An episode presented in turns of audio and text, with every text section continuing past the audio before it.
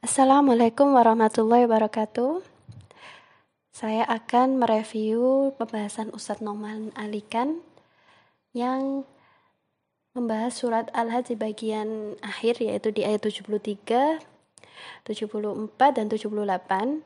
Kemudian ada empat tema yang akan kita bahas. Yang pertama yaitu perumpamaan manusia, kedua tragedi umat manusia, ketiga umatan wasaton atau umat pertengahan, yang kepada yang keempat adalah Allah telah memiliki kita sebagai umat muslim dan tanggung jawab kita. Kemudian langsung saja kita uh, ke ayat 73 yang pertama yaitu adalah tentang perumpamaan manusia. Kita bacakan ayatnya. Hai manusia, telah dibuat perumpamaan, maka dengarkanlah olehmu perumpamaan itu. Sesungguhnya segala yang kamu seru selain Allah, sekali-kali tidak dapat menciptakan seekor lalat pun, walaupun mereka bersatu menciptakannya. Dan jika lalat itu merampas sesuatu dari mereka, tiadalah mereka dapat merebutnya kembali dari lalat itu. Amat lemahlah yang menyembah, dan amat lemahlah pula yang disembah. Ayat ini yaitu Allah memberikan perumpamaan pada manusia untuk menjelaskan buruknya menyembah selain Allah dan bodohnya akal orang yang menyembah selain Allah. Siapa mereka orang-orang yang menyembah selain Allah? Maka kita bisa perhatikan keberagaman yang ada di hadapan kita. Ada orang yang menyembah berhala seperti yang kaum musyrik bekal lakukan. Mereka menyembah berhala dan menjadikan lambang-lambang mereka sebagai Tuhan. Kemudian ada yang menganggap bahwa Allah itu memiliki anak perempuan yang wujudnya malaikat atau anak laki-laki yaitu Isa alaihissalam ada juga yang percaya kepada para santo atau mengkuduskan seseorang karena mereka merasa sangat malu untuk menyembah Allah secara langsung jadi mereka mengkuduskan seseorang barangkali orang tersebut akan menyampaikan yang baik-baik ke pada Allah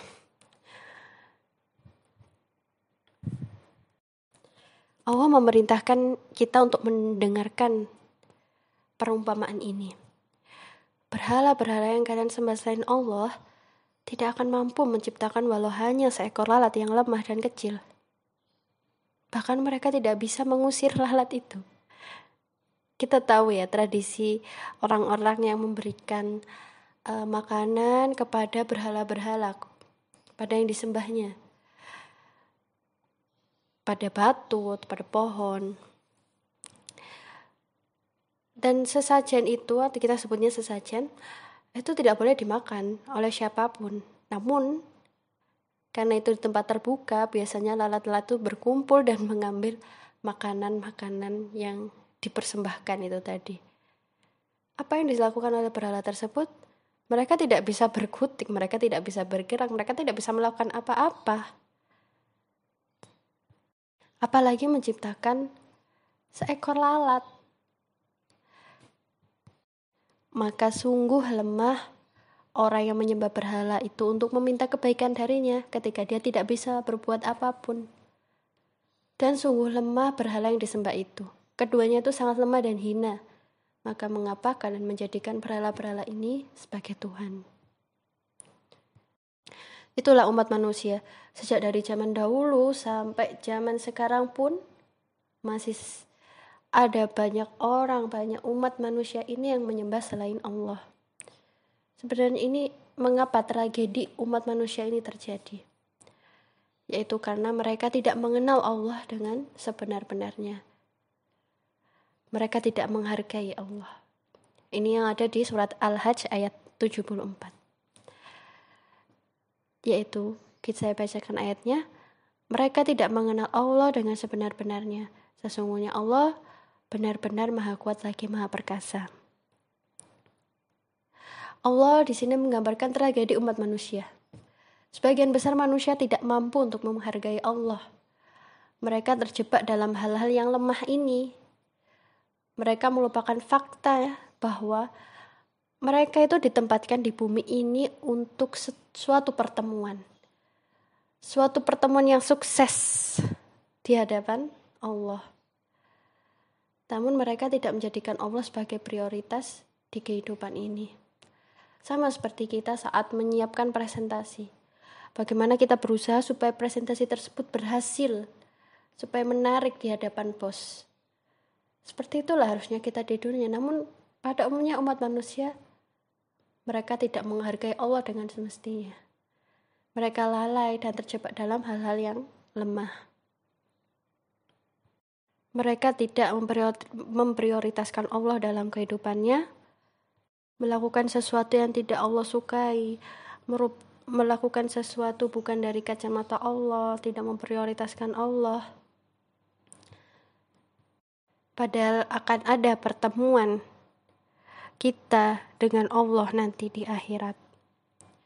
Kemudian uh, sebelum kita ke ayat 78 kita bahas tentang umatan wasaton yaitu umat pertengahan. Umat pertengahan ini disebutkan di Al-Baqarah ayat 143. Dalam rangka mengembalikan umat manusia itu kepada kebenaran, yang dilakukan Allah secara terus-menerus itu adalah mengirimkan Rasul. Rasul untuk membantu mereka mereka kembali kepada Allah, membantu mereka untuk bisa menghargai Allah dengan semestinya. Setiap bangsa itu pasti setidaknya punya satu rasul. Allah menurunkan rasul dengan bahasa dan budaya yang sama dengan penduduk tujuannya. Dan Rasulullah adalah rasul terakhir untuk umatan lil alamin, untuk seluruh umat. Dan Allah tidak ingin umat manusia berada di luar jangkauan petunjuknya. Rasulullah sebagai umat lil alamin, Rasul untuk seluruh umat, Allah ingin semua manusia itu memiliki kesempatan untuk memperoleh petunjuk dari Allah. Saat Allah memberikan tanggung jawab ini kepada Rasulullah, salah satu frasa yang digunakannya itu adalah umatan wasaton di ayat 143 Al-Baqarah. Umat pertengahan itu adalah bangsa pertengahan, yaitu berarti berarti banyak hal. Namun salah satu yang paling mendekati yang Ustadz Noman Ali temukan adalah kenyataan bahwa mereka berada di tengah-tengah Allah dan Rasulnya di satu sisi dan seluruh umat manusia pada sisi yang lain. Mereka lah itu umat pertengahan mereka seharusnya menyampaikan ajaran ini kepada seluruh manusia yang lain. Di ayat 78, ini sebagai ayat penutupnya. Saya bacakan ayatnya. Dan berjihadlah kamu pada jalan Allah dengan jihad yang sebenar-benarnya. Dia telah memilih kamu dan dia sekali-kali tidak menjadikan untuk kamu dalam agama suatu kesempitan Ikutilah agama orang tuamu Ibrahim. Dia telah menama, menamai kamu sekalian orang-orang muslim dari dahulu. Dan begitu pula dalam Al-Quran ini, supaya Rasul itu menjadi saksi atas dirimu, dan supaya kamu semua menjadi saksi atas segenap manusia maka dirikanlah sembahyang, tunaikanlah zakat, dan berpeganglah kamu pada tali Allah. Dia adalah pelindungmu, maka dia adalah sebaik-baik pelindung dan sebaik-baik penolong. Situ ada kata wajib tabakum. Ya, dari kata ittiba, jabu, yang berarti adalah Allah memilih kita, wajib tabakum Allah memilih kita. Wajib tabakum berasal dari kata istib, ijtiba. Istiba artinya adalah pilihan dari kualifikasi. Maksudnya seperti apa? Bukan seperti kita memilih baju di supermarket, terus ada baju biru, ada baju putih. Terus kenapa aku milih putih bukannya yang biru ya? Tidak ada alasan dalam memilih seperti itu. Tapi jika kita misalnya memperbaiki suatu mobil yang rusak dengan uh, alat yang tepat, kalau tidak pakai alat itu tidak bisa. Seperti itulah kata istiba dan dia telah memilih kita dengan kata istiba itu. Allah telah memilih kita sebagai seorang muslim. Di antara semua manusia, Allah memilih kita secara khusus sebagai seorang muslim. Karena kita dipilih karena ada misi di depan kita. Aku tidak mampu, aku tidak punya kemampuan.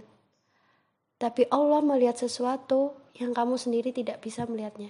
Allah memilih berdasarkan kualifikasi. Itulah kata istibak tadi. Tugas kita adalah berjihadlah padamu pada jalan Allah dengan jihad yang sebenar-benarnya. Tugas kita adalah menyampaikan pesan-pesan Islam yang telah Rasulullah sampaikan. Nanti kita akan bertemu dengan Allah dan Allah menanya kepada kita, apakah kita sudah melakukan tugas kita? Apakah kita sudah menyampaikan pesan-pesan Islam? Padahal kita adalah umat tanpa saton. Rasulullah sudah ditanyai Allah dan Rasulullah sudah menyampaikannya. Dan kita sebagai seorang muslim memiliki misi dan tanggung jawab yang Allah berikan untuk menyampaikan pesan-pesan yang dibawakan Rasulullah kepada segenap manusia yang lain. Ketika pesan-pesan Islam itu sampai kepada kita, maka kita sudah mendapatkan tanggung jawab tersebut. Menjadi penyampai pesan-pesan Islam tidak harus berkhutbah, tidak harus turun ke jalan dan berusaha memuslimkan seseorang atau semacamnya. Tapi gambarkanlah diri kamu itu sebagai panutan agama melalui cara-cara hidup kamu. Cara-cara hidup Islam. Seperti Yusuf alaihissalam, Nabi Yusuf tidak berkhutbah dalam penjara. Dia hanya menjadi dirinya sendiri dan kemudian masyarakat memperhatikan. Lalu datang dan meminta untuk menafsirkan mimpi. Bahkan dia tidak memasang pelang penafsir mimpi di sel nomor 9. Tidak ada iklan seperti itu. Tidak ada iklan, namun orang-orang memperhatikan. Hanya dari caranya membawa diri, bahkan membuat para kriminal-kriminal di penjara itu tertarik dan ingin berbincang dengan Nabi Yusuf. Hanya dari cara kita membawa diri. Bukan hanya tentang image saja, tapi juga tentang meninggalkan teladan. Bagaimana cara kita untuk mempersiapkan pertemuan ini dengan Allah? Dibahas di ayat Al-Hajj ayat 78. Langkah apa yang kita lakukan yaitu adalah Fa'aqimus sholata wa atuz zakata wa tasim billah. Dirikanlah sholat, tunaikanlah zakat, dan berpeganglah kamu pada tali agama Allah. Fa'in fani'mal maula wa ni'mal nasir. Betapa dia pelindung yang luar biasa, dan betapa dia adalah penolong yang luar biasa dan terus-menerus. Allah membebani kita dengan sebuah misi yang luar biasa. Dan ini bukan misi yang mudah. Ini bukan sesuatu perubahan yang dengan mudah bisa diimplementasikan dalam kehidupan kita. Dan kita bertanggung jawab. Kita bertanggung jawab atas beban yang sama dan dulu pernah dibebankan di pundak Muhammad Rasulullah Sallallahu Alaihi Wasallam. Dari satu pundak itu ke semua pundak kita, umat Muslim di dunia ini dan beban itu masih terasa berat. Padahal dulu cuma pada satu pundak saja Rasulullah SAW. Tapi sekarang beban itu berada di pundak kita semua. Meskipun berada di atas pundak kita, sudah jelas kita tak mampu menanggungnya sendiri. Jadi apa yang Allah katakan? Wa ni'man nasyir. Sebuah kata-kata yang sangat indah. Betapa dia adalah penolong yang luar biasa. kita berjalan selangkah, maka Allah akan membukakan pintu dan akan menolong kita. Maka sebagai umat Islam, semoga kita bisa menunaikan tanggung jawab ini. Ingat bahwa kita dipilih Allah dari ratusan jutaan ribuan semuanya umat manusia di bumi ini untuk menjadi umat muslim. Wajib tabakum.